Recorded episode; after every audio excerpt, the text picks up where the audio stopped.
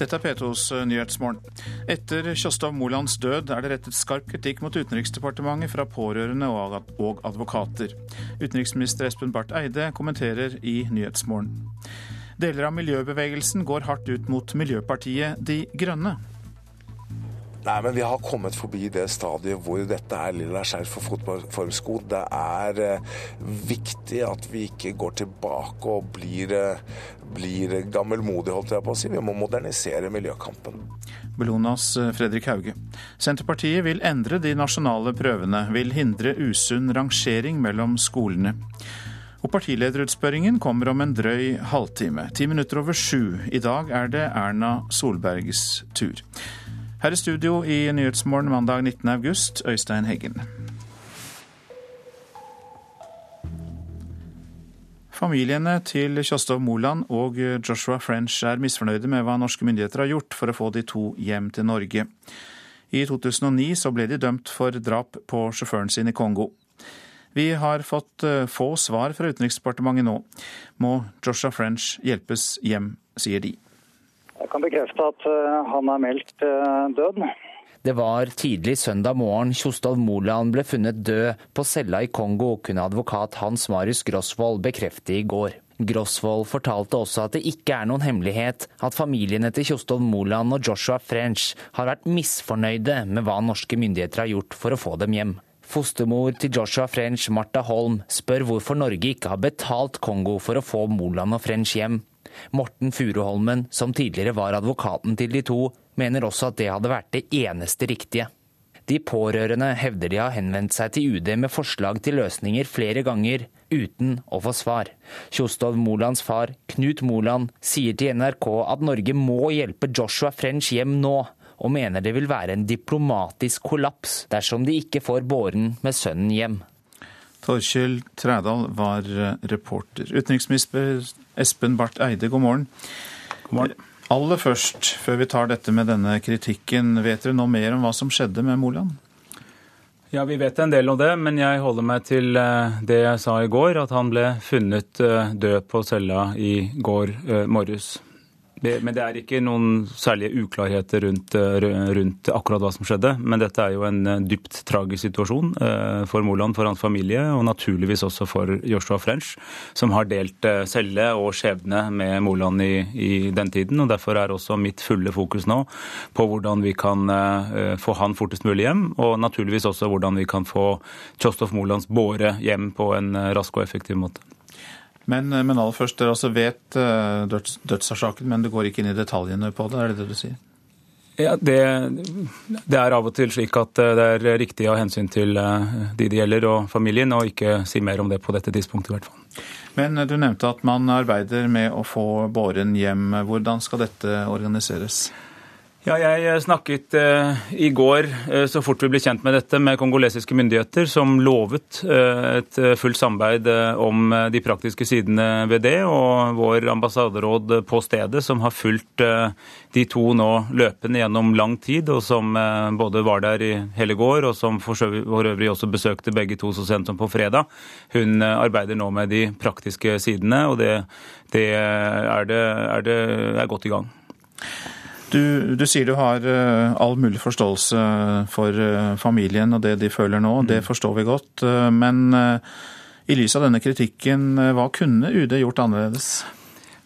Ja, jeg kan med hånden på hjertet si at det fins ingen sammenlignbar sak som vi har brukt så mye tid, energi og ressurser på som denne. Men jeg mener prinsipielt at man aldri skal si at uh, man ikke kunne gjort noe annerledes eller ikke kunne gjort noe mer. Man må alltid stille seg det spørsmålet. Det gjør jeg, det gjør andre, det er helt naturlig. Og jeg har virkelig veldig stor forståelse for den frustrasjon og den fortvilelse som familien nå opplever.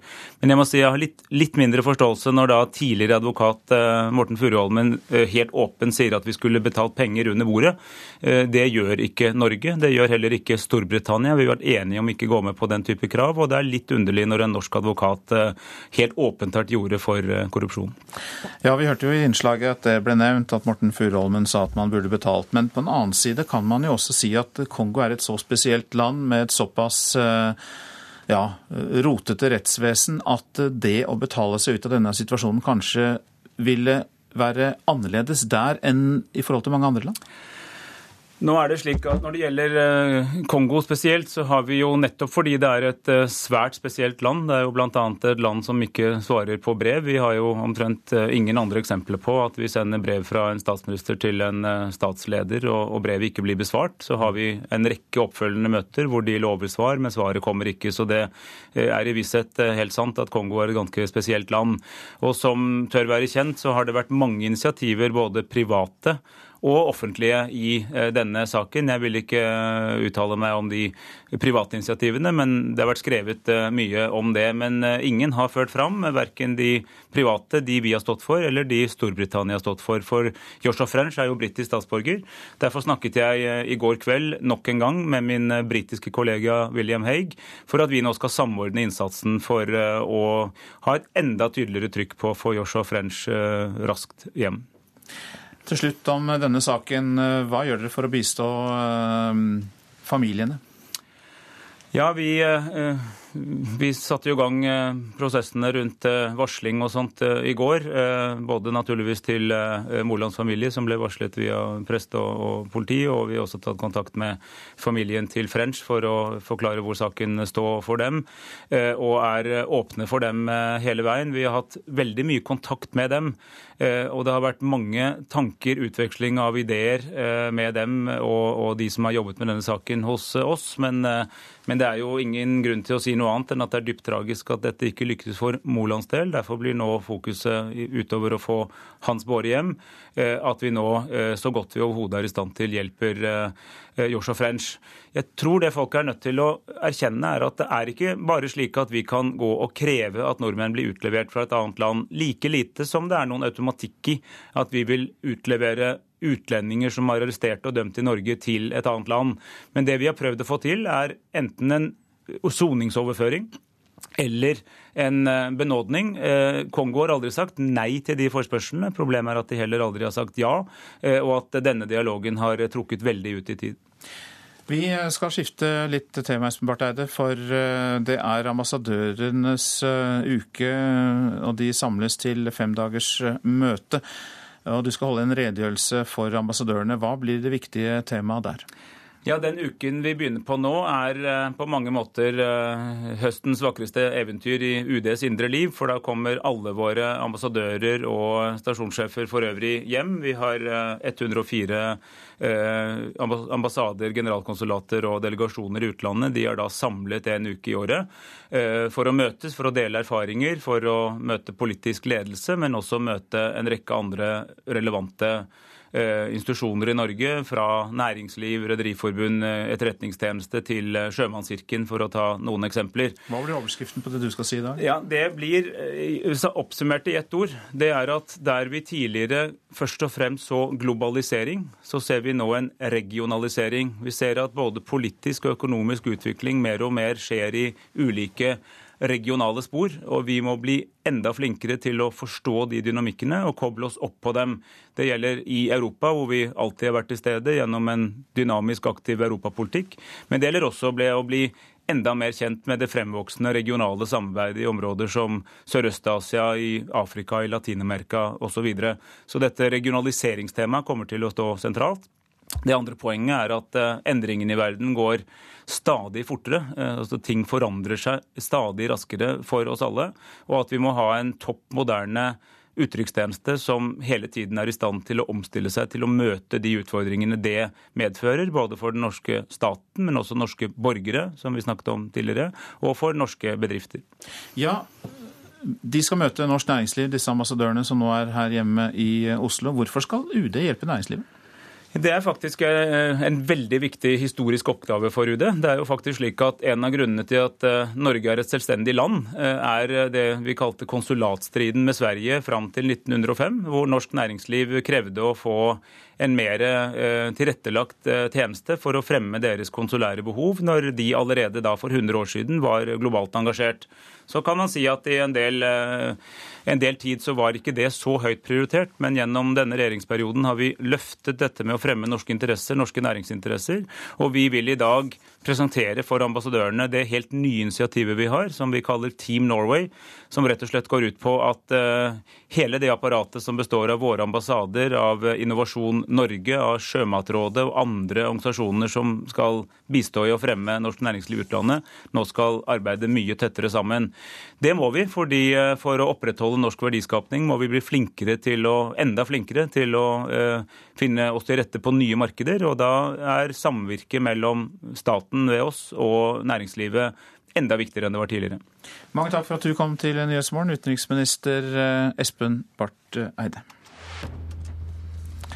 Parten, partneren til journalisten som trykket lekkasjene til Edward Snowden, ble holdt tilbake og avhørt i ni timer på Heathrow flyplass i London i går.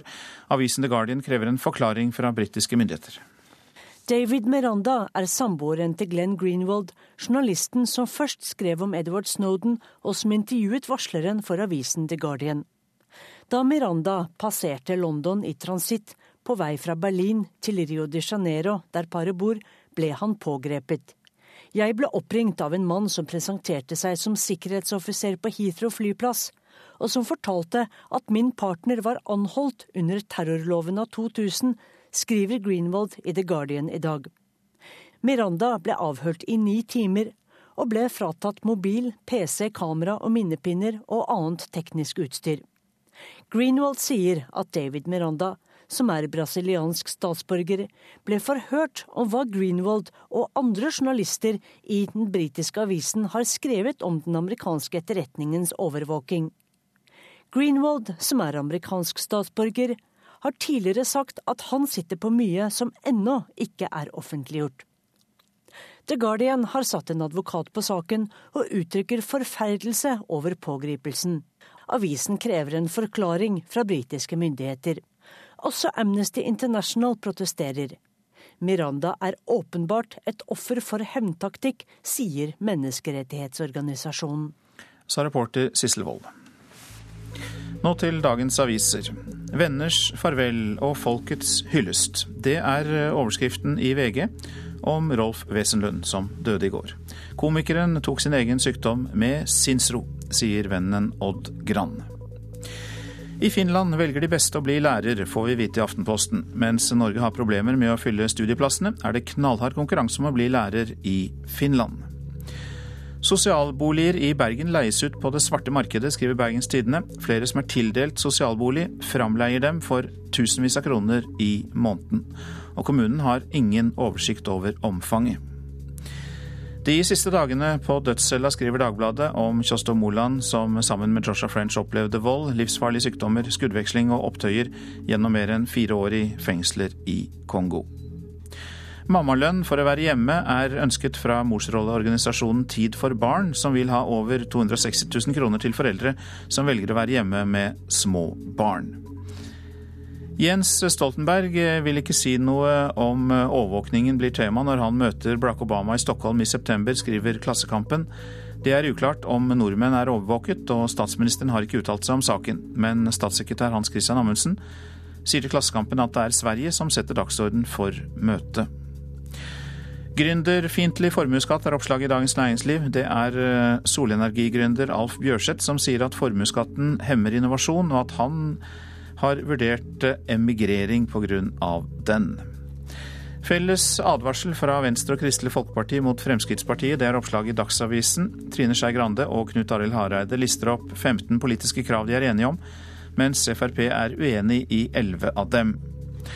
Tøff kamp om boligkjøperne i Trondheim. Ikke siden 2008 har flere boliger ligget ute for salg, skriver Adresseavisen. Og det er mørke skyer over kornhøsten, kan bli den verste på nesten 20 år, skriver Nasjonen. Hard vinter og bløt vår er eh, årsaken.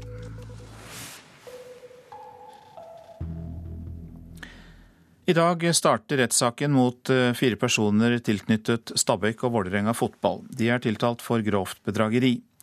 Saken skal være uten sidestykke i norsk idrettshistorie, og flere eksperter mener den har en viktig symboleffekt. Først og fremst eh, tror jeg dette vil være en bevisstgjøring for at samfunnets alminnelige lover gjelder også for idretten, og at man må eh, se hen til ikke minst straffelov og andre regler som alle andre som driver næringsvirksomhet må følge, det må også idretten. Det sier ekspert på idrettsjus Gunnar Martin Kjenner om den mye omtalte bedragerisaka som starter i Asker og Bærum tingrett i dag.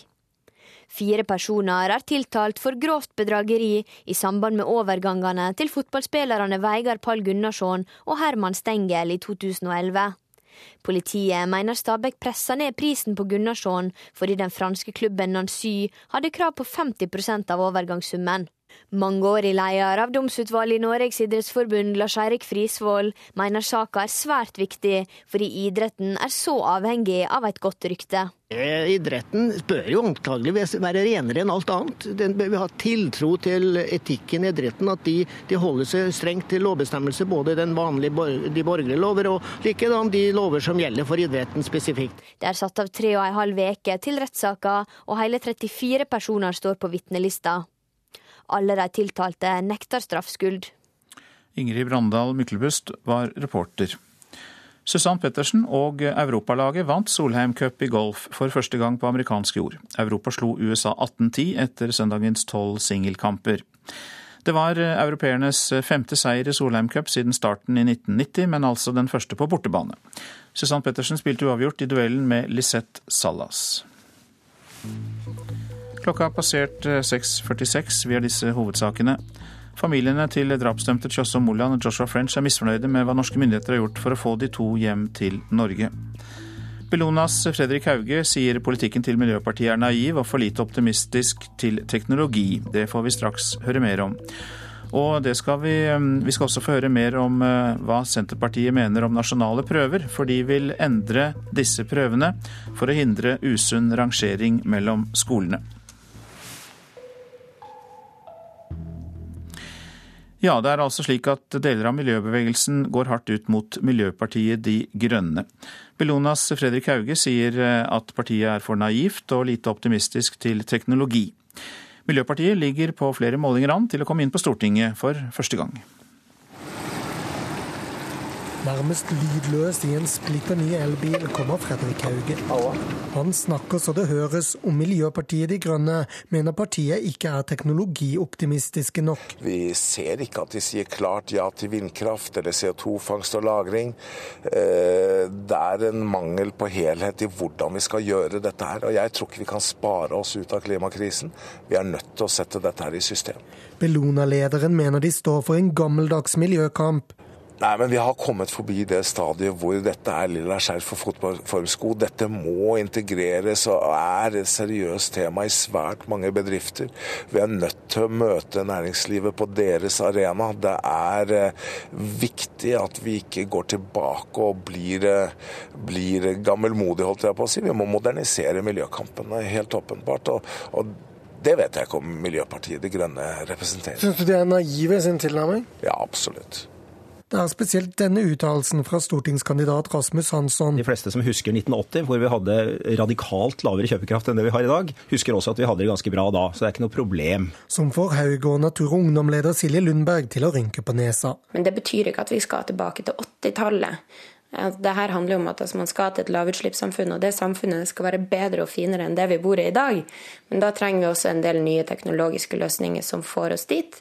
Så må vi redusere den delen av forbruket vårt som ikke er bærekraftig, og så må man finne nye løsninger også. Natur og Ungdom og Miljøpartiet De Grønne er uenige om flere klimatiltak. Et av de stedene hvor vi kanskje er uenige, er jo litt det som handler om teknologi. Altså både det som handler om karbonfangst og -lagring, som er, løs, som er en løsning som vi tror på, som vi har jobba lenge med, som De Grønne ikke ønsker. og elektrifisering av sokkelen. Miljøpartiet De Grønne er best. Hansson tilbakeviser kritikken og viser til at 80 organisasjoner rangerer De Grønnes miljøpolitikk øverst. Grunnen til at vi er skeptiske til det norske CO2-fangstprosjektet, er at det foreløpig kommer istedenfor en massiv vindkraftsatsing, som vil være mye viktigere. Er det noe vi er, så er det teknologioptimister. Er det noe vi vil, så er det å drive fram og bruke moderne teknologi for å utvikle et bærekraftsamfunn. Spørsmålet er bare uenighet om detaljer. Miljøpartiet De Grønne har en økonomisk politikk som ligger langt til venstre for noen av partiene på Stortinget. De er imot økonomisk vekst og vil at vi skal jobbe og forbruke mindre.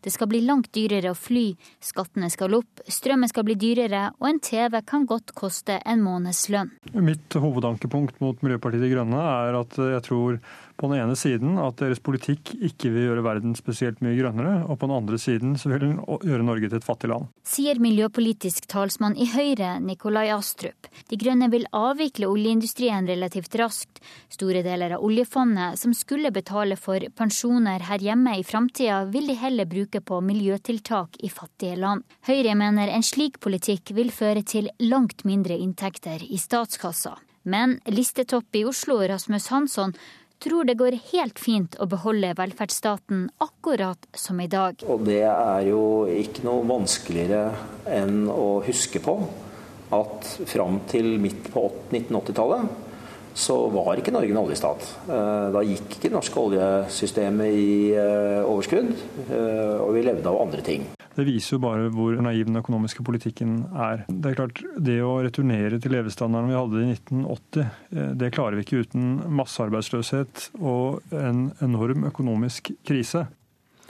Og Reportere her det var Lars Nehru Sand og Linda Reinholdsen. Det blir debatt mellom Miljøpartiet De Grønne og SV i Politisk kvarter når klokka er kvart på åtte. Senterpartiet vil eh, endre de nasjonale prøvene. Det er nok at en tredel av elevene tar prøvene hvert år. Dermed slipper vi usunn rangering mellom skolene, sier nestleder Trygve Slagsvold Vedum. For å ha det nasjonale bildet, så er vi for nasjonale prøver, men vi mener at vi bør gjøre det til utvalgsprøver. Og da unngår vi også det uheldige biten med eh, den der unødvendige rangeringa. Senterpartiet går rett i strupen på Høyre når landbruksminister Trygve Slagsvold Vedum nå tar til orde for å endre de nasjonale prøvene. Det blir mindre byråkrati når bare en tredjedel av skolene deltar hvert år, sier han, men det holder. Vi får en bredt statistisk grunnlag for å se hvordan norsk skole utvikler seg. Mange lærere og rektorer mener det er for mange prøver og tester, sier Slagsvold Vedum.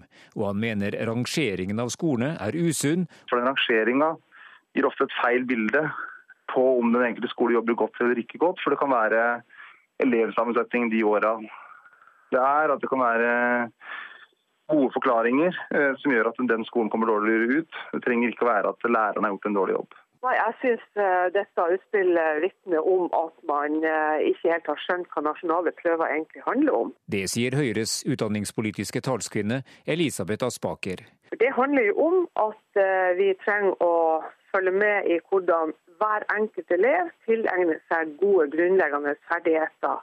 Og det å da mene at man skal gå inn for et, et utvalg, bare å satse på et utvalgt antall skoler, det betyr at vi mister kanskje det viktigste verktøyet vi har fått i norsk skole til å kunne drive god tilpasset opplæring, og til å kunne sikre oss at vi kan følge opp hver enkelt elev på en god og systematisk måte. Det er media som hauser opp konkurransebiten, sier hun. Vi må kunne tåle at vi har en diskusjon om hvordan, eh, hvordan resultater utvikler seg. Men Senterpartiet har rett i én ting, og det er at det er meningsløst å sammenligne skoler med hverandre. Det som er viktig, er å sammenligne elever med seg sjøl og se på hva slags utvikling de har faglig. Reporter her, det var Per Magnussen. Nordiske barnefilmer når ikke fram til barn i nabolandene. Eller norske barnefilmer. Bare tre norske barnefilmer ble satt opp på kino i andre nordiske land fra 2008 til 2011. Det viser en studie som Cecilie Strange i Strange Thoresen er konsulent for. Studien konkluderer med at det er, en, det er, flere ting som påvirker dette. Dels er det den store konkurransen fra engelskspråklige animasjonsfilm og familiefilm som, som Pixar-filmene. Dels så gjør det at distributører og produsenter satser på sikre kort. De velger historier som vi kjenner fra før. Barnefilmkonsulent i Film og Kino Tonje Hardersen mener det er viktig at nordiske barn får se historier fra Norden, i tillegg til historier fra Hollywood. Og Vi ser jo at nordiske barnefilmer er veldig populære filmer, fordi at vi har en såpass lang tradisjon med å lage gode filmer for barn. Men å få de ut i en kommersiell eh, distribusjonsform, det er litt vanskelig. Mer om dette i Kulturnytt eh, fem over åtte her i P2 og Alltid nyheter. Reporter Eirin Venås Sivertsen. Det var 150-årsfest ved Brandenburger Tor i Berlin i helgen, da de tyske sosialdemokratene feiret seg selv. Rundt 150 000 mennesker var til stede, og SPDs kanslerkandidat Per Steinbruch lovet et mer rettferdig tysk samfunn dersom han vinner valget neste måned.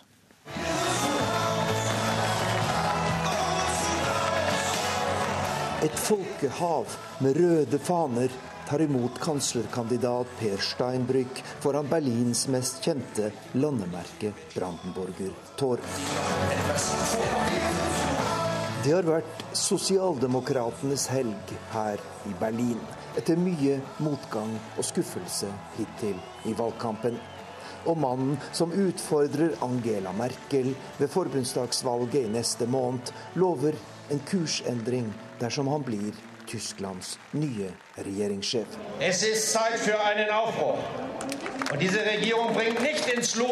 Tiden er inne for forandring. Denne regjeringen skaper stadig større ulikheter her i landet. Mens finansakrobatene blir rikere, synker en økende del av befolkningen ned i fattigdom. Vi trenger et rettferdig Tyskland med like muligheter for alle, uavhengig av inntekt, utdanning og sosial status. Dette blir mitt prosjekt dersom vi vinner valget den 22.9, sier sosialdemokratenes kanslerkandidat Per Steinbrück. Men selv om tilhengerne hyller sin Per med taktfaste rop, så er meningsmålingene svært lite hyggelig lesning for sosialdemokratene og den rød-grønne opposisjonen. De siste månedene har SPD ligget på bare rundt 25% mot mer enn 40% for Angela Merkels kristeligdemokrater. Jeg tror ikke SPD har særlig store muligheter til å vinne valget, sier Yvonne Rogolt, en av de mer enn 150 000 som er til stede på valgfesten ved Brandenburger Tor. Det er mange grunner til dette. Det er for mye strid i partiledelsen. Kandidaten Per Steinbrück begeistrer ikke. Og det er for liten forskjell i politikken mellom sosialdemokratene og dagens regjering sier hun. Vi må redde euroen og stabilisere Europa, sier kanslerkandidat Per Steinbrück. Men vi har lagt en altfor tung bør på menneskene i de søreuropeiske kriselandene. Disse landene kan ikke komme seg ut av krisa bare ved å spare. Det må også skapes vekst og arbeidsplasser, og vi må ta vår del av regningen, sier han. Stor jubel for Per Steinbrück ved Brandenburger Tor nå i helgen. Men at det blir valgseier for de rød-grønne om en drøy måned, er det få her i Tyskland som tror. Arnt Stefansen rapporterte. Erna Solberg vil bli Norges neste statsminister. Jeg er politiker, jeg ønsker å skape muligheter. Men hvilken politikk skal hun føre, og hvem får bli med på laget? Jeg er veldig glad for at alle har lyst til å sitte i regjering med Høyre. Partilederutspørringen mandag morgen på NRK P2, NRK1 og nrk.no klokka ti over sju.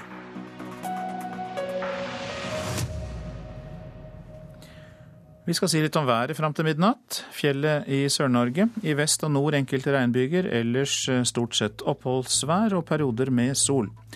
Østlandet får stort sett pent vær i dag. Fra i ettermiddag periodevis liten kuling. Telemark og Agder enkelte regnbyger lengst i vest, ellers for det meste pent vær. Rogaland og Hordaland enkelte regnbyger, fra i ettermiddag oppholdsvær sør for Haugesund. Sogn og Fjordane fra i formiddag liten kuling på kysten, stiv kuling ved Stad og enkelte regnbyger.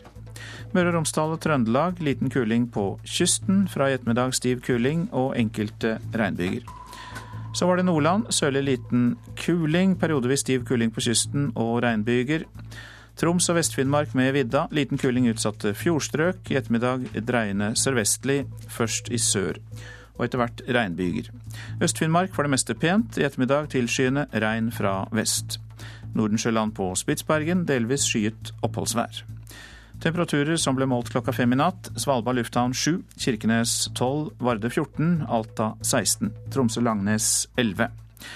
Bodø og Brønnøysund begge 14, Trondheim-Værnes 11, Molde 14, Bergen-Flesland 13 grader. Vi har ikke fått inn temperatur fra Stavanger, men Kristiansand-Kjevik hadde 8 grader.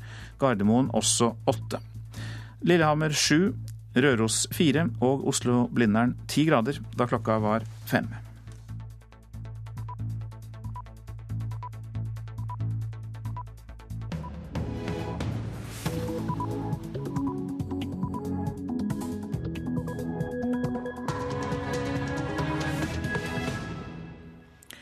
Klokka er sju, du lytter til Nyhetsmorgen.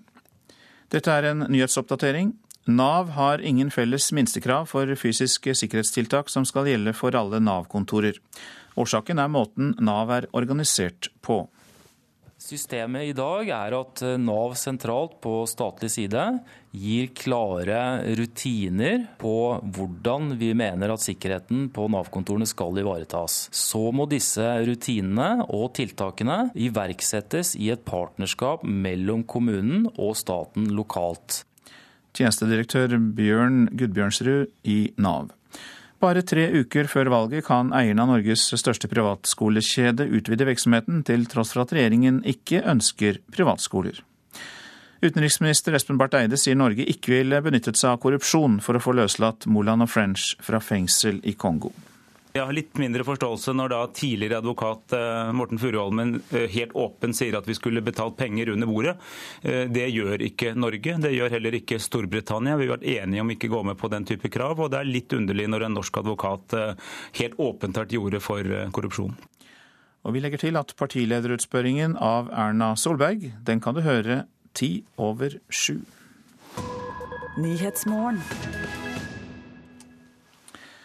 Nav har ingen felles minstekrav til fysiske sikkerhetstiltak som skal gjelde for alle Nav-kontorer. Årsaken er måten Nav er organisert på.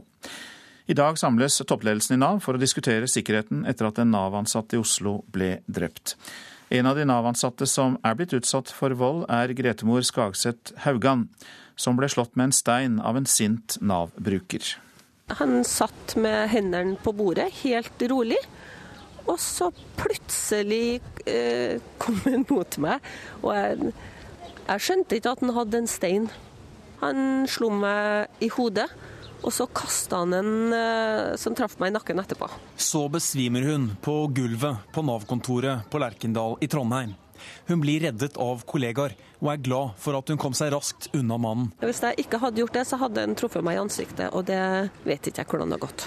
Etterpå fikk kontoret flere fysiske sikkerhetstiltak, som lydtette vegger av glass inn der brukerne og saksbehandlerne er, slik at andre kan oppdage angrep.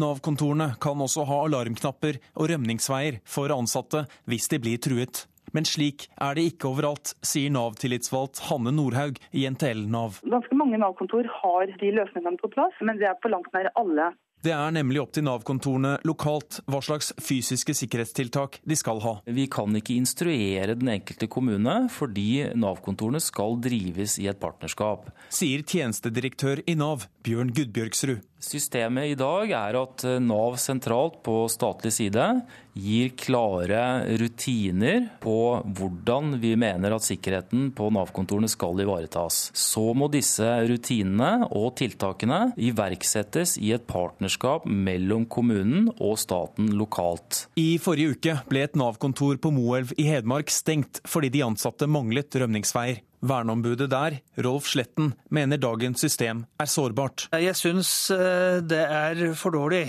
Du fordeler eller pulveriserer ansvaret litt. Du kan ikke peke én plass og si at der ligger ansvaret. Samme hen i landet du jobber på et Nav-kontor, så skal du ha en rømningsvei og du skal ha et alarmsystem der eh, du kan varsle andre. I praksis så er det vår, eh, vår erfaring at det er liten uenighet om sikkerhetstiltak lokalt.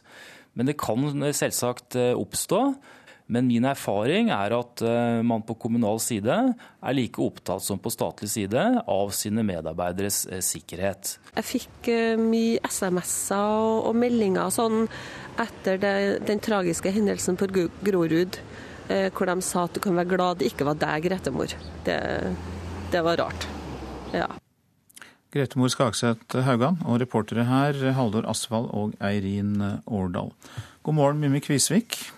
Du er leder av Fellesorganisasjonen for barnevernpedagoger, sosionomer og vernepleiere, og organiserer mange Nav-ansatte.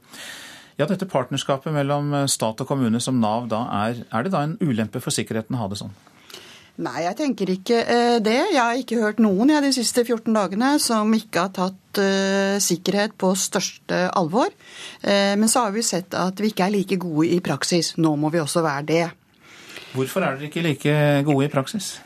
Nei, jeg tenker at sikkerhet er ganske komplekst. Det handler om nok bemanning, det handler om riktig kompetanse, det handler om organisering, og det handler om den fysiske sikkerheten.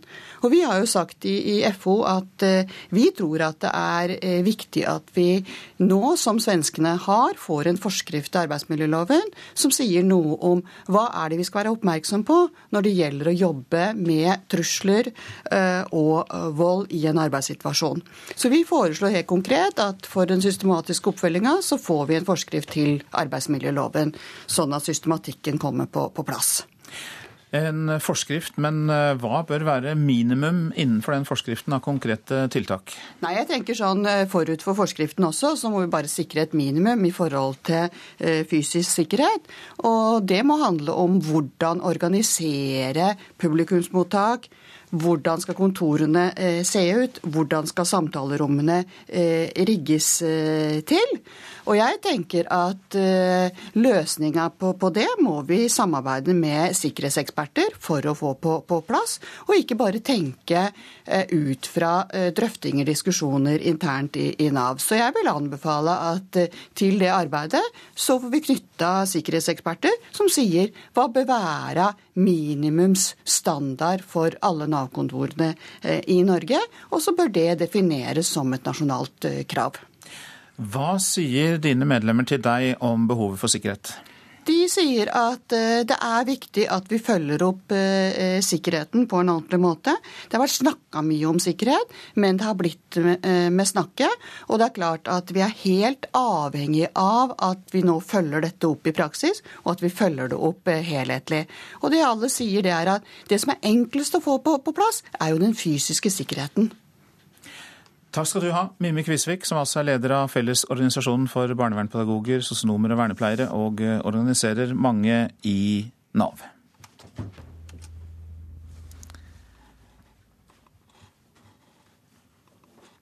Bare tre uker før valget så kan eierne av Norges største privatskolekjede utvide virksomheten med 500 nye skoleplasser i videregående skole. Og det skjer til tross for at den rød-grønne regjeringen har ønsket å sette foten ned for nettopp slike privatskoler. Om få timer er det skolestart flere steder i landet. Også i Drammen, på den nye privatskolen Heltberg videregående skole. Med 40 forventningsfulle elever. Det gleder vi oss veldig til. Sier Kjetil Eide. Han er daglig leder i Norges største privatskolekjede Akademiet. Samme eierne som står bak Heltberg gymnas, som står bak Akademiet. Regjeringa har villet stoppe privatskolekjedene. De har derfor sagt at bare de med alternativ pedagogikk får starte privatskole. Skolen i Drammen skal derfor være en Montessori-skole. Det er bare én hake. Det finnes ikke noe Montessori-pedagogikk for videregående elever. Sier Jon Terje Bjørke, leder i Montessori-forbundet. Lærerretninga bruker gjerne konkret læremateriell i stedet for bøker. Aldersblanda grupper lærer gjerne liggende på gulvet. Montessori-pedagogikken er for barn. Pedagogikk for, fra null år opp til 15 år. Montessori-pedagogikk på videregående er nybrottsarbeid. Sier Eide i skolekjeden Akademiet. I alt har akademieierne fått godkjent 500 videregående Montessori-skoleplasser i Drammen og Trondheim, men de rekker ikke oppstart i Trondheim nå i høst. Godkjenninga har de fått samtidig som direktoratet har kravd tilbake 18 millioner i statsstøtte, som de mener akademiet har brukt feil. Vi mener jo eh, at det ikke er grunnlag for det kravet direktoratet kommer med der. Og Vi er jo glad, veldig glad for at direktoratet ikke blander eh, sakene her. Men Montessori-rørsla føler seg lurt, og mener privatskoleeierne utnytter lovverket. De har eh, funnet smutthullet og søkt ut fra det. Vi mener at det ikke skulle vært godkjent, og når det først har skjedd, så burde departementet gått inn og stoppa det. Statssekretær Elisabeth Dale i Kunnskapsdepartementet misliker de nye private skoleplassene. Dette viser at akademiet har funnet et smutthull i loven. Nå skal smutthullet tettes innen neste års skolestart, hevder regjeringen. Dette ønsker vi å forhindre og stanse, og derfor har vi fremma et eh, lovforslag, sånn at dette ikke er mulig eh, senere. Og Reportere her, det var Sindre Heyerdahl og eh, Håvard Grønli. Nå skal vi til partilederutspørringen, og den som står for tur i dag, er Høyre-leder Erna Solberg, programleder Sigrid Solund.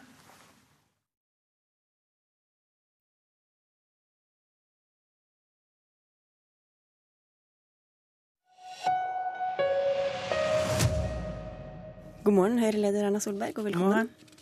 Det har kommet mange negative reaksjoner etter at du bidro til å koble 22.07-rapporten til debatten om lederskap mellom deg og Jens Stoltenberg. Angrer du på at du gjorde det? Altså, Jeg syns det er viktig at vi tør diskutere det Gjørv-kommisjonen sier, nemlig om gjennomføringskraften. Jeg har aldri koblet 22.07 eller det som skjedde. Jeg har faktisk sagt at ros Jens Stoltenberg for sitt lederskap rundt og i i forbindelse med 22. juli, men jeg tror vi må tørre å diskutere gjennomføringskraften i vårt beslutningssystem. Det er en utfordring, for det at eh, hvis vedtak fattes, men ikke klares å gjennomføre, ja, så er det også et politisk ansvar.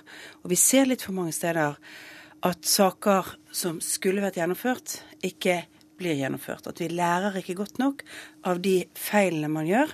Og den kulturen må vi gjøre noe med. Og jeg har jo alltid ment at statsministerens kontor må ha en sterkere styring, ikke bare med å fatte beslutninger, men også gjennomføringsapparatet til staten. Men følte du at du ble misforstått?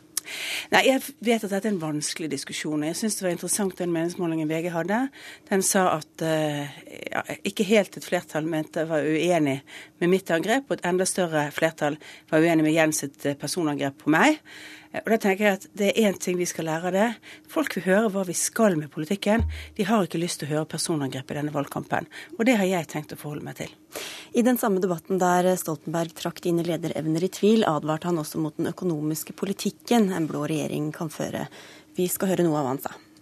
Og Jeg forventer ikke at Høyre og Fremskrittspartiet skal avklare alle spørsmål, men når vi nå sier ja til å sitte i regjering sammen, så bør vi i hvert fall avklare det fundamentet, rammene, for politikken, for økonomien, nemlig den totale pengebruken. Det er fortsatt store problemer ute i internasjonal økonomi. Da trenger vi forutsigbarhet og trygghet. Og hvis det var så åpenbart, så kunne jo også Siv Jensen underskrive på at man er for handlingsregelen. Da hadde jeg slappet av. Men jeg er egentlig litt urolig, fordi du er så lite urolig over hva hun kan finne på i regjering. Erna Solberg, du har jo selv også kritisert FrPs økonomiske politikk mange ganger. Hva er det som har skjedd de siste årene som gjør at du ikke er urolig lenger? Jeg er veldig klar på hva Høyre kommer til å gjøre når de sitter i regjering. Vi kommer til å være både en forutsigbar og ansvarlig økonomisk politikk, både på kort og lang sikt. Jeg mener at eh, vi i dag ikke fører en ansvarlig økonomisk politikk på lang sikt, fordi vi investerer for lite i de tingene som kommer til å skape vekst i fremtiden. Og Derfor eh, er jeg veldig sikker på hva som er fundamentet for en ny regjering, og det er at vi skal føre en ansvarlig økonomisk politikk. Høyre kommer ikke til å sitte i en regjering som ikke fører en ansvarlig økonomisk politikk.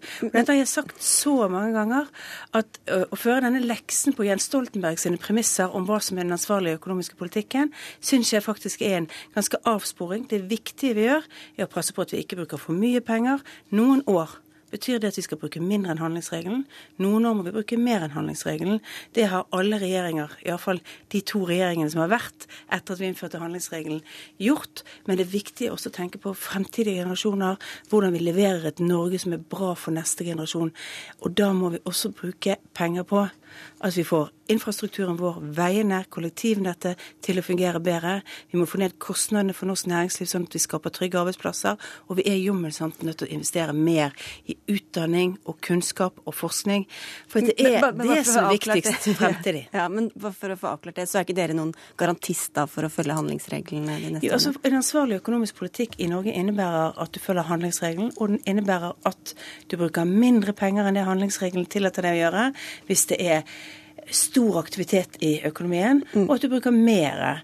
Men det er også en viktig del av handlingsregelen hva du bruker pengene på. Og nå har Jens Stoltenberg fått lov å snakke seg vekk fra dette i så mange år at jeg kommer til, fortsatt til å si at han må begynne å snakke om hvordan vi bygger fremtiden i Norge, ikke bare å styre i dag. Ja, men... Det er veldig enkelt å styre godt akkurat i dag, men samtidig styre dårlig på fremtidens premisser. Men til nettopp det, vi kommer til å få store offentlige utgifter eh, om noen år, bl.a. fordi vi blir mange flere eldre. Hvordan vil dere demme opp for det når dere ikke går inn for store kutt?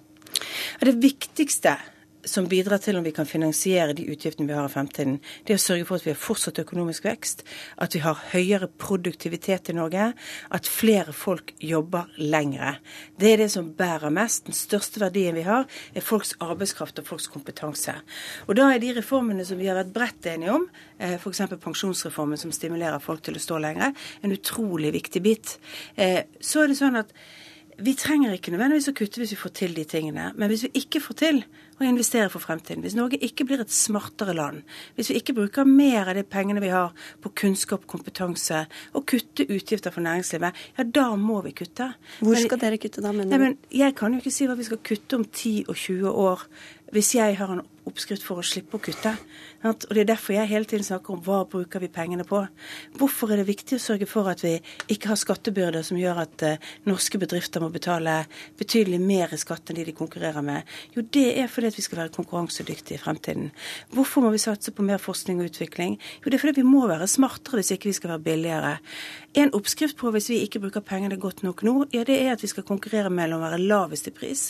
Det betyr at det blir mindre velferd og lavere lønninger. Det er ikke mitt ønske. Jeg ønsker en annen politikk for det, og det er at vi har en konkurransekraft fremover. Men Et sted noen i hvert fall tar til orde for å kutte, er eh, på sykelønn og sykelønnsordninga. Mener du at nivået på sykelønna har noe å si for sykefraværet? Eh, det er klart at Å ha en god sykelønnsordning kan påvirke for at det er lettere for en del folk som er syke, til faktisk å ta konsekvensen av det å være hjemme når de er syke. Hvorfor vil dere ikke kutte da? Eh, fordi at Hvis folk er syke, så syns jeg de skal få lov å være hjemme. Hva skal til for at dere skal gå inn for eh, endringer i sykelønnsordningen? Altså det viktigste med å endre med sykelønnsordningen er ikke pengeutbetalingene, men det er systemet vårt for hvordan vi behandler og hjelper folk til å komme tilbake raskt i jobb. Derfor har vi sagt at vi må ha et system som mye tidligere går inn og begynner å snakke om kommer du tilbake til den jobben du har, eller hva er utfordringene. For det største problemet med sykelønnen, det er ikke de betalingene vi tar ut liksom, over betalingen der, men det er faktisk det at det er en vei ut mot uføretrygd. Det er en vei for utenforskap i Norge, og vi er derfor nødt til å ha et helt annen type aktivitet for å få folk raskt tilbake. Og da mener jeg at vi må se på hvorfor ramler folk ut av arbeidslivet. At det er bl.a. fordi de har dårlig kunnskap og kompetanse. Veldig mange sier attføringsbedriftene klarer ikke å lese og skrive godt nok til at de kan ta seg mer utdanning eller lære seg noe nytt hvis ryggen deres har blitt ødelagt. Ja, da må vi faktisk ha et system som gir de mer kompetanse kompetanse. Erna Solberg, hvorfor snakker ikke du oftere om miljø- og klimapolitikk? For det første så mener jeg at vi har en ambisiøs eh, klimapolitikk. Vi har vært med to ganger på å være mer ambisiøse i Stortinget enn det regjeringen er, og flytte, flytte, det videre. Så snakker jeg om de sakene som vi har prioritert i denne valgkampen, som er områder hvor vi har nye løsninger. Klimaforliket ligger i bunnen. Der har vi laget et kompromiss. Og da snakker jeg om de sakene som vi kanskje er mer uenige med regjeringen om, og vi har andre løsninger enn regjeringen. For her har vi et kompromiss i bunn. Men dere setter deres lit når dere snakker om dette til en eh, global avtale og til EUs kvotesystem. Hva mener Høyre vi bør gjøre før disse tingene endelig kommer på plass og begynner å fungere? Vi setter jo ikke vår lit bare til de to tingene. Vi setter jo først og fremst vår lit til teknologi. Derfor tok vi initiativ i 2009 for at vi skulle ha et stort teknologifond for å hjelpe frem eh, bedre effektiv eh, produksjon med nye løsninger som gjør at CO2-utslippene går ned. Det har vi heldigvis fått som en del av klimaforliket, og vi foreslår faktisk en system som vil gi dobbelt så mye avkastning av det. Da vil vi kunne se at bedrifter som nå jobber f.eks. på Ilonittverket inne i Tysdal, som jobber med gode strategier for å redusere CO2-utslippene sine ja, med nesten 80-90% ja, vi, at vi kan hjelpe de i den teknologiovergangen. Så vi har jo en strategi på dette på fire viktige punkter. Det ene er teknologiutviklingen. Det andre er, er CO2-fangst og -lagring. Det tredje er, altså, er altså med energieffektivisering. Og det fjerde er selvfølgelig at vi har ganske ambisiøse regler på hva vi vil ha innenfor samferdselssektoren. Blant annet ønsker vi å lovpålegge at man skal bruke alternative, alternative drivstoff på offentlig støttede eh, busser og kollektivtransport. Men hvis kvotesystemet blir velfungerende, kan en del oljefelt i Norge bli økonomisk ulønnsomme fordi oljeprisen synker pga. høye utgifter, eller avgifter. Hvor økonomisk ansvarlig mener du det er å satse så mye på olje og gass i norsk økonomi? Det er utrolig viktig at vi satser på å bli mindre oljeavhengig. Det betyr ikke at vi ikke skal satse på olje og gass, men vi må satse på de andre tingene som gjør at vi også har andre deler av norsk økonomi som går bra. Problemet de siste åtte årene er at vi er blitt mer oljeavhengig. Men det er jo derfor vi kan gå tilbake til det vi begynte med. Satsingen på at Norge skal bli smartere istedenfor å tro vi skal konkurrere om å bli billigere forskning og utvikling, infrastruktur. Okay, vi trenger ikke ta hele den, Men dette snakker jeg om hele tiden, fordi jeg er veldig bekymret for vår oljeavhengighet. Men ikke, vi slutter ikke å være oljeavhengige ved å kutte på oljeaktiviteten. Vi gjør det ved å stimulere opp de andre andre aktivitetene i Norge. Ved å sørge for at offentlig sektor som etterspørrer, faktisk bidrar til å utvikle nye næringer i Norge. Du sier at dere har en offensiv klimapolitikk. Ikke alle er enig i det. Bl.a. Miljøpartiet De Grønne stempler dere som miljøverstinger. Hvordan ser du på et samarbeid med dem hvis de kommer inn på Stortinget? Ja, For det første så mener jeg at Miljøpartiet De Grønne tar feil når de stempler oss som miljøverstinger. Men det er klart, vi er ikke et 70-talls nullvekstparti som jeg ser at Miljøpartiet De Grønne ser ut til å ha lagt seg på i sitt program. Men kan dere samarbeide det med dem da? Altså, det er jo avhengig av hva de vil prioritere. Eh, men med det programmet de går til valg på, så tror jeg det er vanskelig å finne en felles plattform. Vi oppfatter dette som et ganske tydelig venstresideparti. Egentlig et litt sånn 70-tallsparti med nullvekstfilosofi og eh, ja, ikke, særlig, ikke særlig opptatt av å sikre økonomisk bærekraft for barna våre. I Dagsavisen i dag advarer Trine Skei Grande og Knut Arild Hareide mot Fremskrittspartiet. Igjen får vi vel kanskje si. Hvor realistisk mener du en firepartiregjering virker nå? Jeg, jeg, tror det er veldig realistisk at disse fire partiene skal finne sammen om å danne en ny regjering. Om alle fire sitter i regjeringen, det blir et spørsmål som bare blir avklart når vi har forhandlet på grunnlaget for det. Men eh, alle fire partier sier tydelig at vi ønsker et regjeringsskifte, og at vi vil sette oss sammen for å diskutere plattformen for det. Og så har jeg sagt at uansett om ikke alle kan sitte i regjering, så mener jeg at alle fire partier skal ha innflytelse på den regjeringen. Men Høyre i regjering kan bety ja til oljeboring i Lofoten og Vesterålen eller varig vern. Det kan bety strengere asylpolitikk eller åpnere grenser. Det kan bety vin i butikk eller kortere skjenketider. Hvordan kan du si til velgerne at dette ikke er saker de trenger å få svar på før de går til stemmeurnene? Ja, hvis de stemmer på oss, så stemmer de på Høyres program. Så stemmer de på at våre saker skal ha størst innflytelse i det regjeringssamarbeidet. Og på det er akkurat det samme om du stemmer på rød-grønne partier. Arbeiderpartiet er for utvikling av Lofoten og Vesterålen, selv om de skal ha en to, altså en ventepause og et ny landsmøtebehandling. Mens eh, SV går til valg på at de skal blokkere det. Sånn er ikke forskjellene, ikke forskjellene så store i norsk politikk. Helse er en av de viktigste sakene for dere. Hva er forskjellen på Høyres løfte om fritt behandlingsvalg og det fritt sykehusvalgsystemet som vi allerede har hatt i mange år? Fritt sykehusvalg i dag innebærer eh, at eh, du ikke kan velge private alternativer hvis ikke de har et anbud som er vunnet eh, innenfor, innenfor ditt helseforetak. Og da går du på en kvote. I dag er det sånn at det enkleste bildet på det er egentlig å si at hvis du ringer i dag for f.eks. ta et MR-bilde, ja, så kan du måtte risikere å vente seks og syv uker før du kan ta det. Eh, hvis du skal ha det betalt av det offentlige. Men det er kapasitet til at du kan gjøre det privat eh, hvis du betaler fullt ut. Det er dette kvotesystemet vi vil ha vekk på de private tjenestene. Når du er godkjent for en behandling, ja, så skal du faktisk ha muligheten til å velge også der hvor det er kapasitet, selv om det er de private. Men selv om man ikke har avtaler med det offentlige? Ja, hvis du, du må være innenfor et system hvor vi har fremforhandlet et, eh, et, pris, og den prisen du vil få betalt. Men det trenger ikke å være en kvotesystem sånn som staten har i dag. Hvis de offentlige sykehusene og de private på det offentliges regning begynner å behandle mange flere pasienter, vil det da automatisk følge penger med? Ja, det vil de jo gjøre. Det gjør de jo for de offentlige sykehusene i dag, fordi de har et DRG-system. Så hvis de behandler flere pasienter, så får de penger. Men de får ikke fullt ut eh, altså 100% finansiering. Det vil heller ikke de private få. Eh, det som er ganske godt utredet, er jo at de private gjør dette rimeligere. Men skal Derfor dere ikke sette en ramme for hvor mye, hvor, hvor, hvor mye penger dere vil gi til sammen?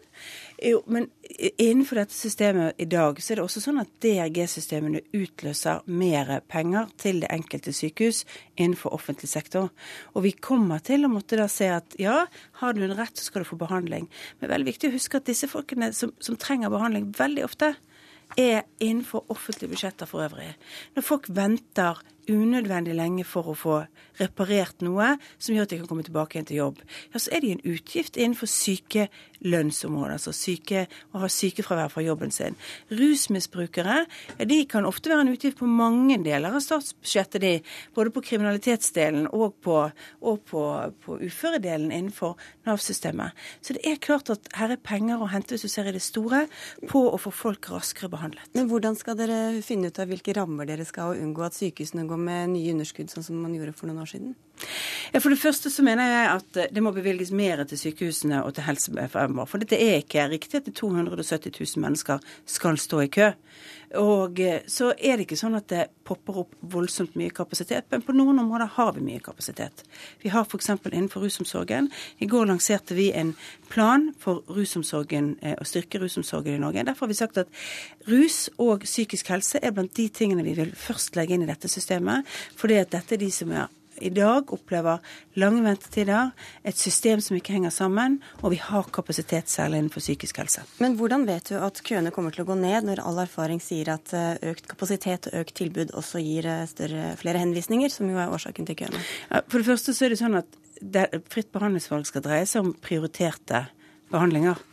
Det er en inngangsport til dette som sier at det ikke er alt du ønsker å få gjort noe med. Men jeg tror f.eks. at eh, innenfor rusomsorgen eh, så bruker vi i dag pengene utrolig feil. Mange går lenge har, uten å få hjelp.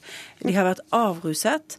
Så kommer de så kommer de ut fra avrusningen, og så søker de seg inn på et nytt tilbud. Og så går det to måneder før de kommer inn. Vet du hva, Da er det veldig mange som er på kjør igjen. Og Men da kommer de ikke til den plassen. Da. Det var ikke det jeg spurte om. Hvordan vet dere at køene går ned når erfaringen sier at jo flere større et, tilbud vil også flere Men Det er jo en inngangsport til dette prioriterte sykdommer. Folk vil ikke f.eks. få for seg et nytt rusproblem fordi det er blitt bedre behandlingskapasitet. Um, personlig frihet er også viktig for Høyre. Dere vil fjerne den såkalte rasismeparagrafen. Hvorfor skal retten til å ytre seg veie tyngre enn retten til å ikke bli hetset med pga. f.eks. hudfarge eller seksuell legning? Det er veldig viktig at uh, beskyttelse mot diskriminering eksisterer eh, for deg på individnivå. Eh, uansett om du fjerner eh, paragrafene om blasfemi eller om om, om, rasisme. Dette er en avveining som er gjort hos oss mellom ytringsfrihet og generelt liksom, følelsen av at du skal bli støtt av generelle betraktninger. Det du blir hetset for direkte, det er det fortsatt et rettsvern mot. Men her veier altså noens frihet uh, tungt opp mot noen andre, men samtidig vil Høyre gjeninnføre forbud mot tigging. Hvordan kan et liberalt parti si at det ikke skal være lov for mennesker å be om hjelp? Ja, og Det var den diskusjonen vi hadde på landsmøtet vårt, eh, om et liberalt parti bør gjøre det eller ikke. Eh, og så er det noe annet som er knyttet til tigging, som vi har sett i internasjonale rapporter. Og det er at en del av dette miljøet også henger sammen med organisert kriminalitet. Ikke alle. Ikke hver du står på gaten og ser. Og da er det å ha et forbud mot tigging også et vern mot at uh, vi får import av organisert kriminalitet, som i skjul av tiggingen også driver med annen type aktivitet. Jeg tror vi må ta på alvor disse sammenhengene, og det var grunnen til at Høyres landsmøte bestemte seg for at vi burde gjeninnføre et forbud mot tigging. Ikke pga. at det er skjemmende å se folk på gaten som tigger eller ber om hjelp, men fordi at det er med på å importere internasjonalt organisert kriminalitet inn til Norge. Og da bør ikke vi være et mer liberalt land enn andre land om dette. Fordi vi skal altså bekjempe at folk faktisk blir utnyttet, og at vi får importert kriminalitet til Norge. Men dere vil altså oppheve sexkjøploven. Hvorfor vil dere gi folk frihet til å kjøpe sex, men ikke frihet til å sitte med en kopp på gata?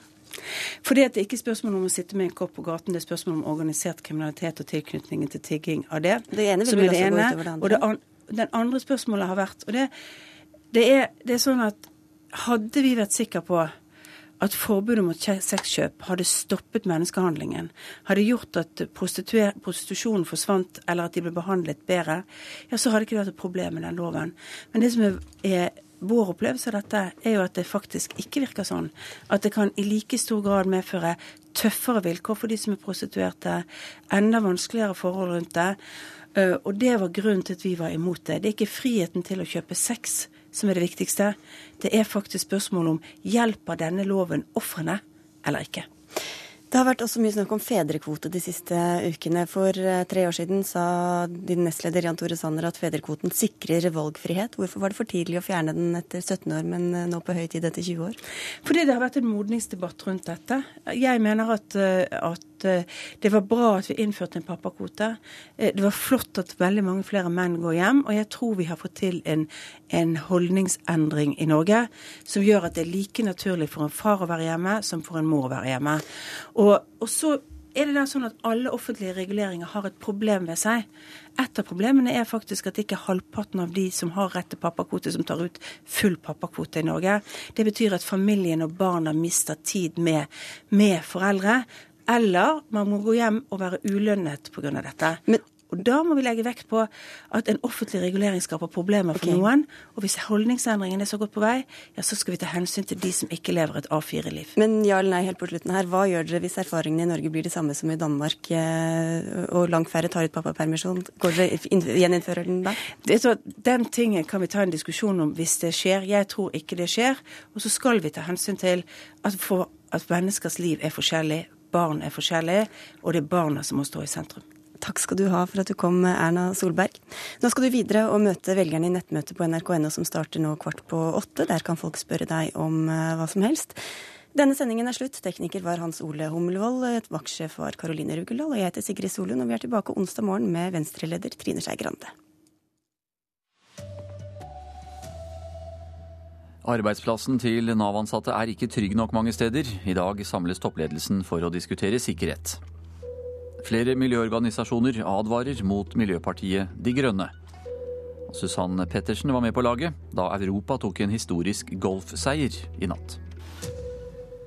Her er NRK Dagsnytt klokka 7.30. Nav har ingen felles minstekrav for fysiske sikkerhetstiltak som gjelder overalt på alle norske Nav-kontorer. Årsaken er måten Nav er organisert på. I dag samles toppledelsen i Nav for å diskutere sikkerhet i kjølvannet av drapet på en Nav-ansatt i Oslo. Gretemor Skagseth Haugan ble slått av en sint Nav-bruker med en stein. Han slo meg i hodet.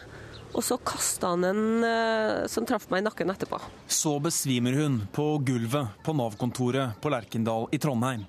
Hun blir reddet av kollegaer, og er glad for at hun kom seg raskt unna mannen. Hvis jeg ikke hadde gjort det, så hadde han truffet meg i ansiktet, og det vet ikke jeg hvordan det har gått.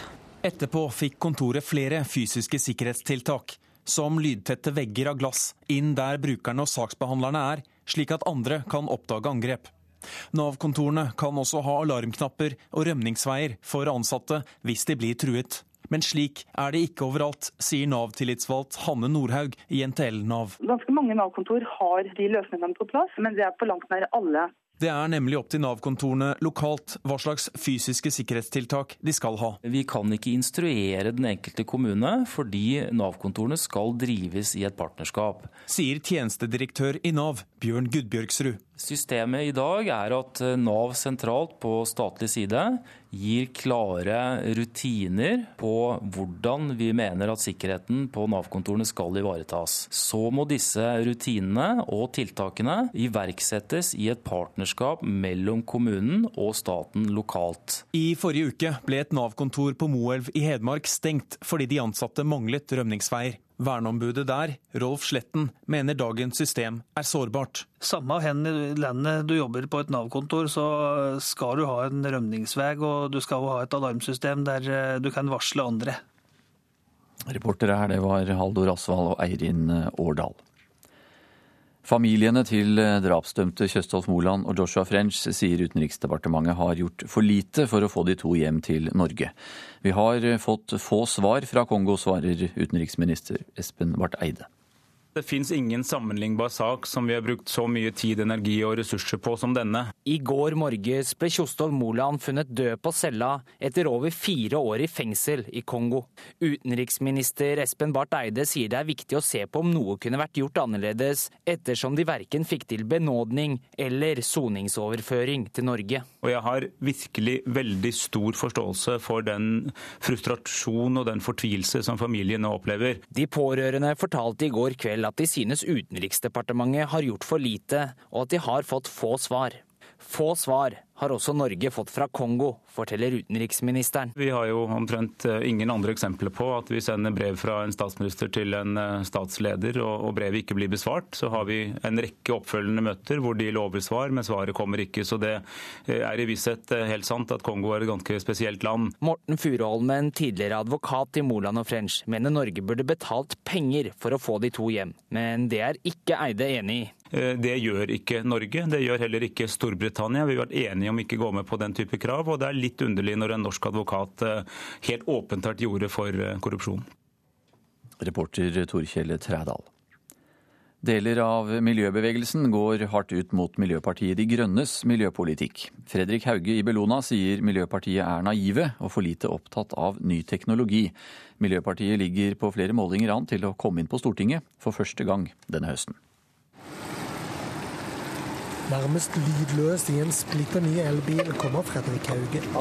Han snakker så det høres om Miljøpartiet De Grønne, mener partiet ikke er teknologioptimistiske nok. Vi ser ikke at de sier klart ja til vindkraft eller CO2-fangst og -lagring.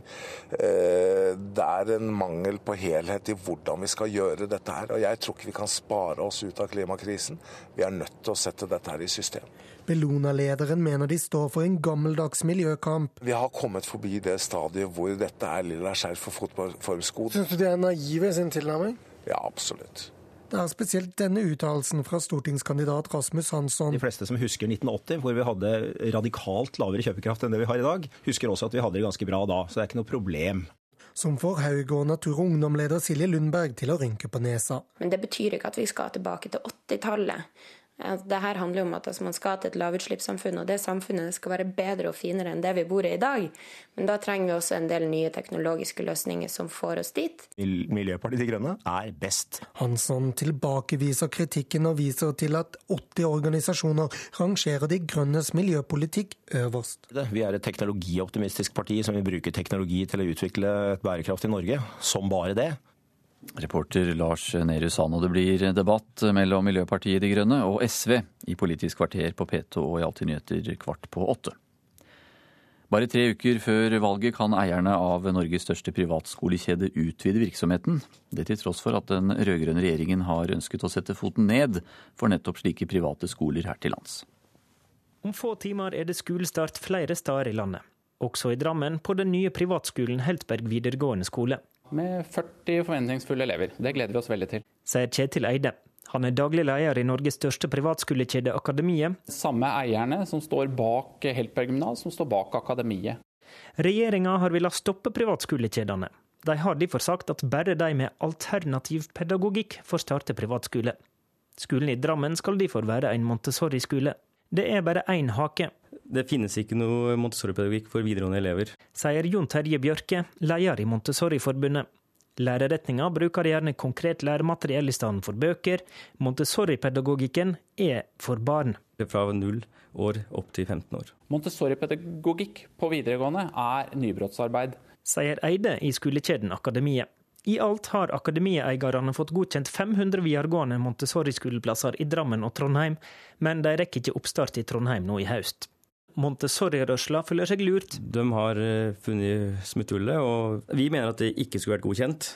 Statssekretær Elisabeth Dale i Kunnskapsdepartementet misliker de nye private skoleplassene. Dette viser at eh, akademiet har eh, funnet et smutthull i loven.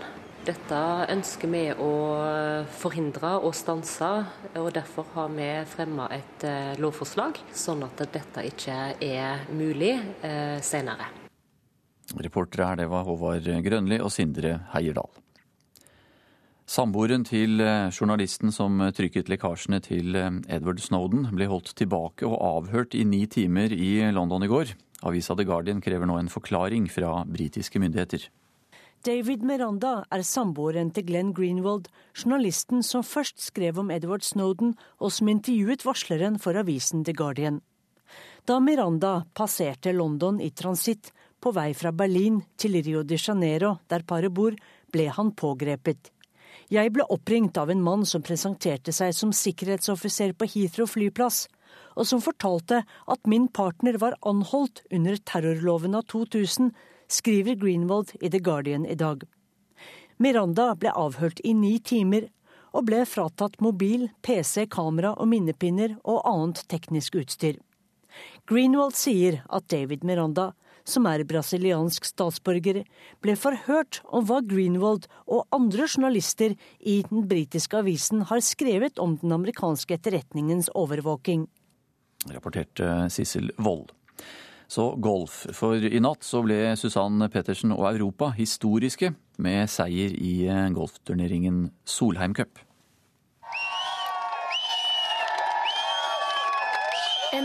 Jubel på Green i Colorado da Europa kunne feire sin første triumf i Solheim Cup på amerikansk jord etter seier med rekordsifrene 18-10 over USA. Fantastisk kult. Nå er det jo helt kanonstemning. Et stort øyeblikk i karrieren til Susann Pettersen, som nesten var målløs etter å ha utklassa amerikanerne på hjemmebane. Nei, Det er bare sinnssykt mye følelser. Da. Man jobber så beinhardt sammen, og så klarer man å nå det. Det er, det er, jeg har ikke ord. Tutta er blitt en rutinert spiller i golfsirkuset og deltok for syvende gang i Solheim Cup. Med egen innsats var hun på det jevne fornøyd, men helst ville hun prate om de yngste på laget, som hadde imponert og bidratt til den historiske seieren på amerikansk jord. Det laget vi har er kanskje det yngste vi har hatt ever, og alle leverer. Eh, det er sinnssykt kult, og alle viser at de vil, og ikke stole på noen andre. Det var det vi også var målet vårt i år. Oh my God! Reporter her, det var Kristine Norvik Skeide. Ansvarlig for eh, Dagsnytt i dag, det er Elin Pettersen. Teknisk ansvarer, det har Per Ivar Nordahl. Jeg heter Anders Borgen Werring.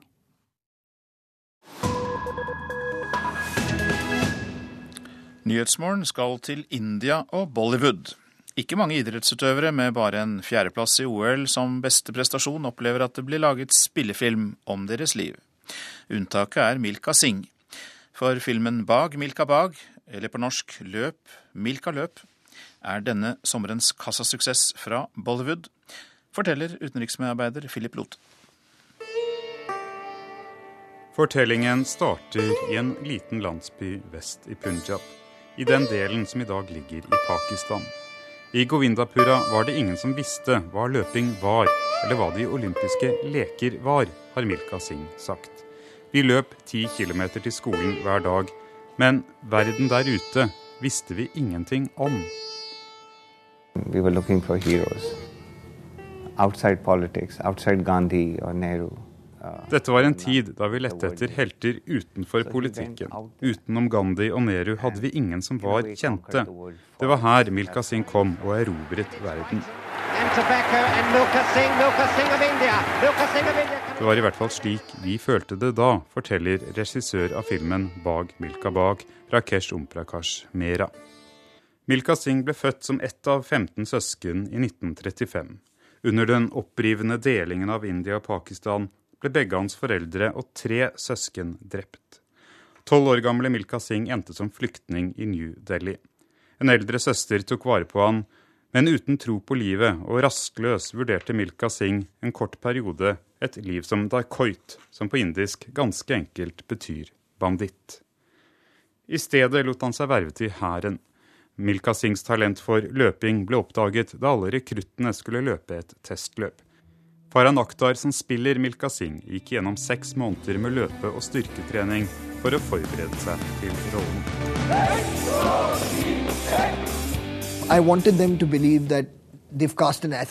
Jeg ville at publikum skulle føle at det var en idrettsutøver som hadde lært å spille, ikke en skuespiller som hadde lært friidrett. Dette fordi jeg ville at publikum skulle føle den rå energien Milka Singh opplevde da han gikk ut på en arena. Under OL i Roma i 1960 var Milka Singh en av favorittene før 400-meterfinalen. Han ledet etter 250 meter, men gjorde en taktisk feil da han slakket av fordi han trodde farten var for høy. Alle de fire første løp raskere enn den olympiske rekorden fra før mesterskapet. Den fjerde av dem var Milka Singh. Fjerdeplassen står som den største prestasjon av en indisk mannlig løper noensinne. Milka Singhs liv har vært så fullt av drama at vi mer eller mindre la til side alle de normale Bollywood-dramaturgiske effektene, forteller regissør Rakesh Omprakash Mera. Det dramaet som var der, er der i filmen. I samme år som OL i Roma skulle Milka Singh være stjernen for India i en landskamp mot Pakistan. Milka Singh, preget av sin opprivende barndom, nekter å stille. Til slutt er det statsminister Nehru som overtaler Singh til å delta. Sir मेरे से नहीं होना वो सब तो दुरुस्त है जनाब पर मिल्खा सिंह है किधर Milka Singh løper inn til en overbevisende seier over Pakistans raskeste mann Abdul Khalik, og vinner tilnavnet Den flyvende Sikh. Ordene faller ifra en mann på tribunen, Pakistans president general Ayub Khan, og bidro sterkt til Milka Singhs legendestatus. Den i dag 77 år gamle Milka Singh solgte sin egen biografi til filmskaperne for én rupi, ca. ti øre under forutsetning at en andel av inntektene skulle gå til trengende indiske idrettsutøvere.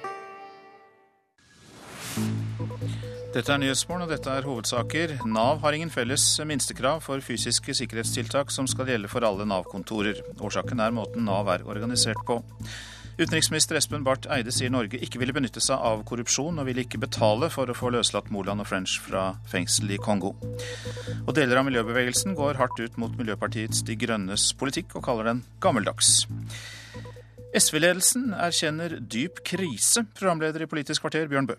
SV kjemper mot sperregrensa og grønne røystetyver.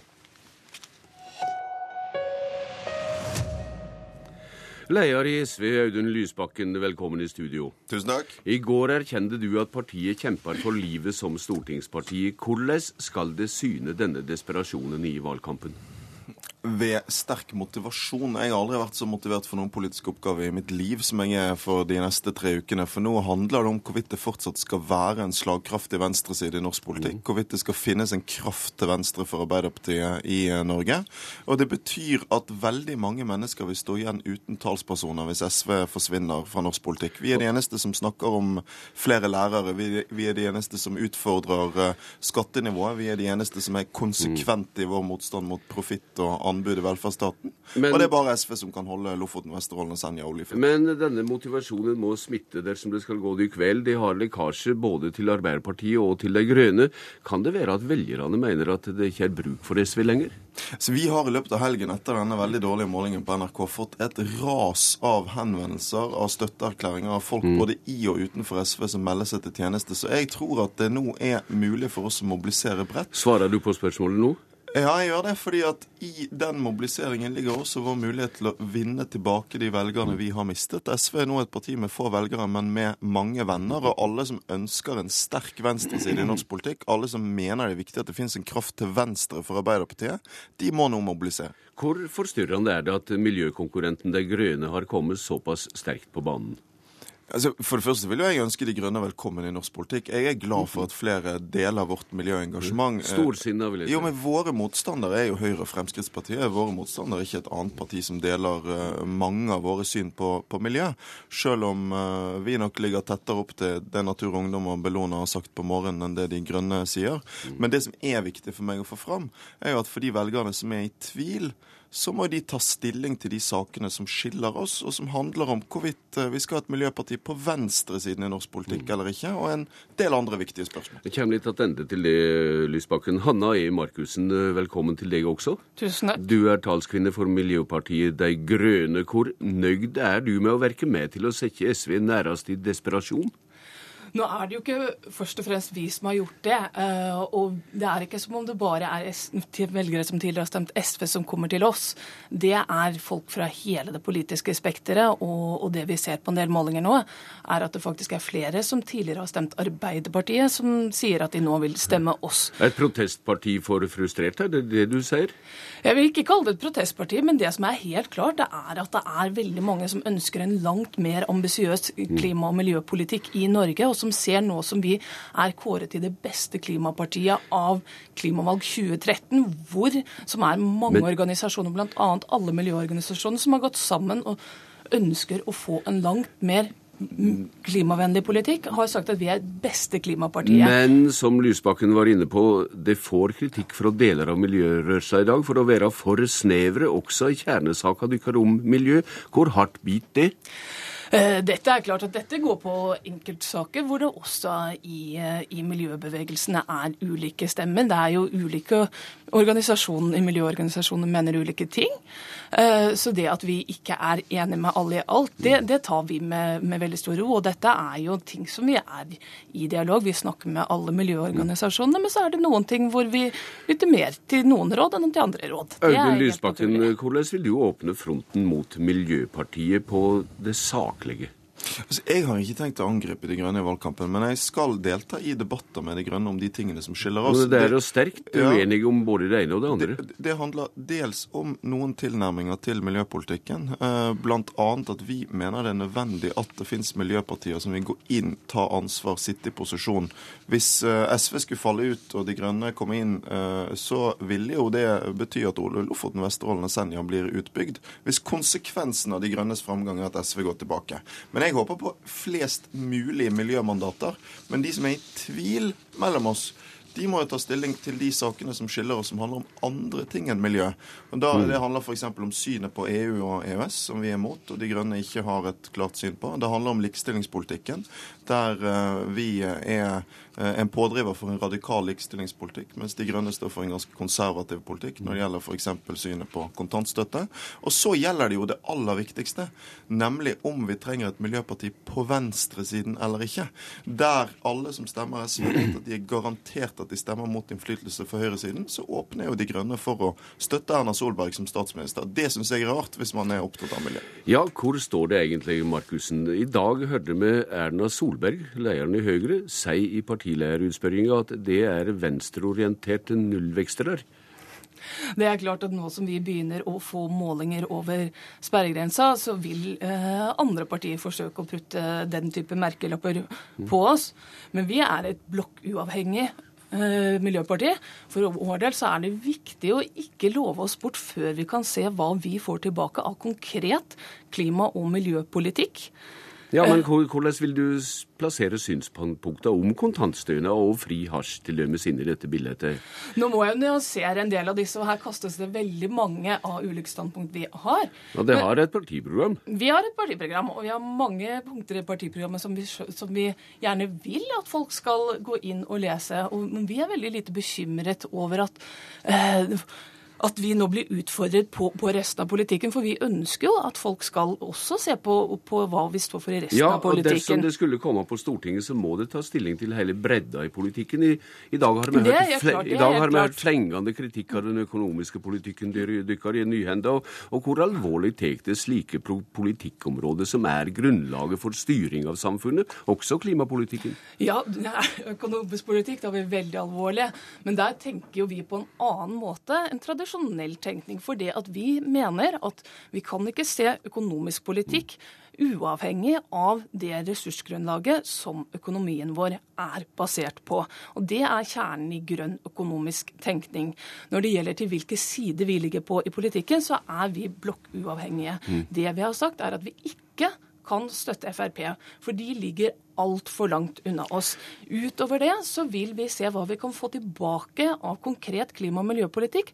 For det er før vi lover oss bort til noen av de to største partiene. For det er helt klart at det er blokkpolitikken gjør at miljøet taper hele tiden. Og det er absolutt ikke korrekt at Lofoten, Vesterålen og Senja vil stå i fare for å åpnes hvis vi kommer inn på Stortinget. Er det én ja. sak vi vil prioritere, så er det nettopp varig vern av Lofoten, Vesterålen og Senja mot oljeboring. Da er det i tilfelle avhengig av en uh, vippeposisjon. Lysbakken, er det et poeng at miljøspørsmål er så viktig at det sprenger tradisjonell blokkpolitikk? Ja, ja, både ja og nei, vil jeg si. Fordi at det er ingen tvil om at miljømotsetningene går på tvers av blokkene i norsk politikk. Ofte så er det jo Venstre og Kristelig Folkeparti SV har vært mest enige med i miljøpolitikken, mens vi er veldig uenige med Arbeiderpartiet om om bl.a. mange oljespørsmål, sånn som Lofoten, Vesterålen og Senja. Men jeg er likevel overbevist om at det er skjæringspunktet mellom det grønne og det røde at løsningene fins. For du kan aldri få en god klimapolitikk hvis du samtidig skal øke forskjellene, drive uhemmet markedsliberalisme. Og det er der jeg mener De Grønne tar feil. Fordi de åpner for å si at alle andre spørsmål er mindre viktig. I det her, og de gjentar hele tiden at det er egentlig ikke så store forskjeller mellom blokkene i norsk politikk. I dette valget skal vi altså også ta stilling til om vi skal få karakterer i barneskolen, om vi skal ha privatisering i skole og helsevesen, om forskjellene i Norge skal øke eller ikke, hva slags arbeidsliv vi skal ha. Det er viktige spørsmål for folk sin hverdag. Og jeg tror vi som er opptatt av miljø, ødelegger for oss sjøl hvis vi sier at miljøet er så viktig at vi ikke skal bry oss om alle disse andre spørsmålene. Ting henger sammen, og en politikk for et bra miljø henger sammen med et politikk for solidaritet og små forskjeller. Ja, Markusen. Men en miljøpolitikk, god miljøpolitikk handler jo nettopp om solidaritet. Det handler om solidaritet med generasjonene etter oss, og ikke minst med den generasjonen som vokser opp i dag. Og det vi, vi, ser nå, er at dette er vår tids viktigste spørsmål. Dette handler om vi skal klare å ta vare på det livsgrunnlaget vi er enige vi trenger mm. for ja, å, å, å overleve, og at vår sivilisasjon fortsatt skal blomstre. Det innebærer at det går et viktigere skille i politikken enn rødt og blått, og det går mellom grønt og grått. Men, men nullvekst, Lysbakken? Men at klima er vår tids viktigste utfordring, det er jeg helt enig i. Eh, men det passer ikke sammen å snakke om solidaritet og samtidig åpne for å gi høyresiden makten. Fordi markedsliberalisme er ikke løsning på miljøspørsmålene. Vi er heller ikke for eh, markedsliberalisme, og, nei, jo, det tror jeg Lysbakken er veldig klar over. Når du, når du åpner for en regjering med Høyre, som du vet vil måtte lene seg på Fremskrittspartiet, så betyr det at også åpner for en samfunnsutvikling i Norge med økte ja, forskjeller og mer arbeidsmarked. Er det én ting vi har utelukket, så er det å støtte en regjering med Frp, og det er Lysbakken klar over. Ja, når du sier at du vil, vil åpne for en ren høyreregjering, så vil det være en regjering som også lener seg på Frp. Ja. Sånn er realitetene En slags ørlite avklaring der. Takk til dere, Audun Lysbakken og Hanne Markussen. Og inn kommer to kommentatorer her. Kommentator i Bergens Tidende og SV-kjenner Frank Rossavik. Før helga skrev du under overskrifta 'SVs siste val', rett nok med spørjeteiken. Hva er innholdet etter ditt syn i SVs krise på meningsmålingene? Det er jo åpenbart at, at, en trend i lang tid, i mange år, har pekt rett ned for SV. Og så ser vi nå på slutten av valgkampen, eller mot slutten av valgkampen at De Grønne eh, seiler opp Miljøpartiet De Grønne. Eh, det aner meg at de, at de, grønne kan komme over sperregrensen, og det aner meg også at SV kan komme under. Eh, det som er Problemet er at SV har en relativt svak organisasjon med bare ca. 10 000 medlemmer. og Spørsmålet er hvor mye kraft eh, Audun Lysbakken og ledelsen klarer å sparke inn i den organisasjonen nå i innspurten. Jeg spurte Lysbakken om det kan være at SV etter mange velgeres syn ikke trengs lenger. Hva mener du om et slikt spørsmål? Jo, jeg tror SV trengs i et større perspektiv for norsk politikk, fordi det trengs en kraft til venstre for Arbeiderpartiet som er troverdig, og som tilstrekkelig mange kan tenke seg å stemme på. Eh, og hvis SV forsvinner som, en, eh, som et troverdig alternativ til Arbeiderpartiet, så vil Arbeiderpartiet mye lettere kunne gli enda lenger til høyre. Så SV fins. Eh, SV trengs, mener jeg. Unnskyld. Men om SV kan klare seg i denne valgkampen, det er jo fortsatt et åpent spørsmål. Men her ser vi altså, som du var inne på, Miljøpartiet sprenge seg fram i meningsmålingene. Og er det en reell debatt dette her om spørsmålet om blokkuavhengig tilvær eller ikke? Jeg tror det er mange som i tillegg til det klimapolitiske eh, ser på én ting, nemlig at de, de, er litt lei av den rød-grønne regjeringen. Og så tenker de at ved å stemme på de grønne, så kan de stemme mot regjeringen uten å stemme på høyresiden. Eh, så det er også et, eh, et taktisk godt argument for eh, Miljøpartiet i innspurten. Valgforsker Bernt Årdal, i ditt gjennomsnitt av siste vekes meningsmålinger ligger Miljøpartiet og SV om lag likt på 3,6 og 3,7% Hva sier dette om velgervandringer? Nei, Det sier jo det vi vet fra tidligere valgkamper også, at det er ganske mange velgere som som skifter parti i løpet av valgkampen. Altså Én ting er at man skifter parti fra ett valg til det neste, men vi gjorde jo en valgkampstudie for noen år siden som viste at 40% av velgerne faktisk skiftet parti eller standpunkt fra, fra juni til september. Mm. Men det vi skal være klar over, og det er for så vidt også noe av det Rossavik er inne på, det betyr jo ikke at, at velgerne går som noen sånn forskremte høns. Det, det, de ser, er at de ser flere partier som ligger sånn i nærheten av hverandre, som de da vurderer. Og så kommer da en del slike faktorer som f.eks. at man er litt lei eller hva skal vi si, det er noen slitasjeeffekter av å sitte ved makten osv. som gjør at man kan se partier som ligger nært hverandre. Og Det gjør at, at vi kan se betydelige forskyvninger også nå fram mot valget. I hva grad er det mulig å si at SV er i ferd med å misse sakseierskapen til miljø- og klimaspørsmål? Nei, Det er jo faktisk et av de viktige spørsmålene som vi får lite svar av fra meningsmålingene nå. Det er jo nett, etter min mening er det faktisk et av de viktigste spørsmålene. Fordi at i 2009 så, så vi litt overraskende at SV klarte å beholde sakseierskapet sitt i stor grad på miljø- og klimapolitikk. Selv om de hadde vært under veldig stor kritikk fra miljøbevegelsen. Så det er en stor sannsynlighet for at partiet faktisk nå også begynner å miste grepet på miljøpolitikken. Og Det som gjør det ekstra problematisk og katastrofalt for SV, er at de allerede har mistet mye av sakseierskapet på den andre store saken sin, nemlig skoleutdanning. Mm.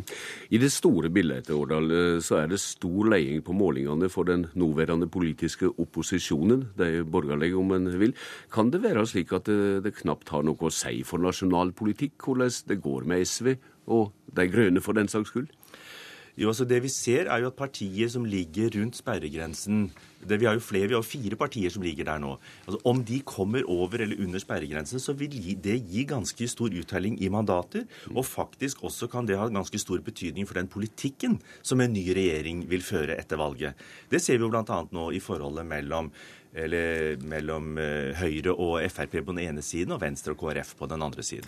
Når du ser på de underliggende tendensene i meningsmålinger og plusser på de dype historiske rønslene, i hva grad er det spenning om hvorvidt de rød-grønne kan berge skuta en gang til? Det er klart det vil jo være bortimot et under om man klarer å vinne et flertall for tredje valget eller tredje gang på rad. Men at det kan bli store justeringer i dette bildet, det tror jeg at det er fullt mulig fortsatt. Mm. Takk til deg, Bernt Årdal, og takk til deg også, Frank Rossavik. Politisk kvarter er slutt. Jeg heter Bjørn Bø.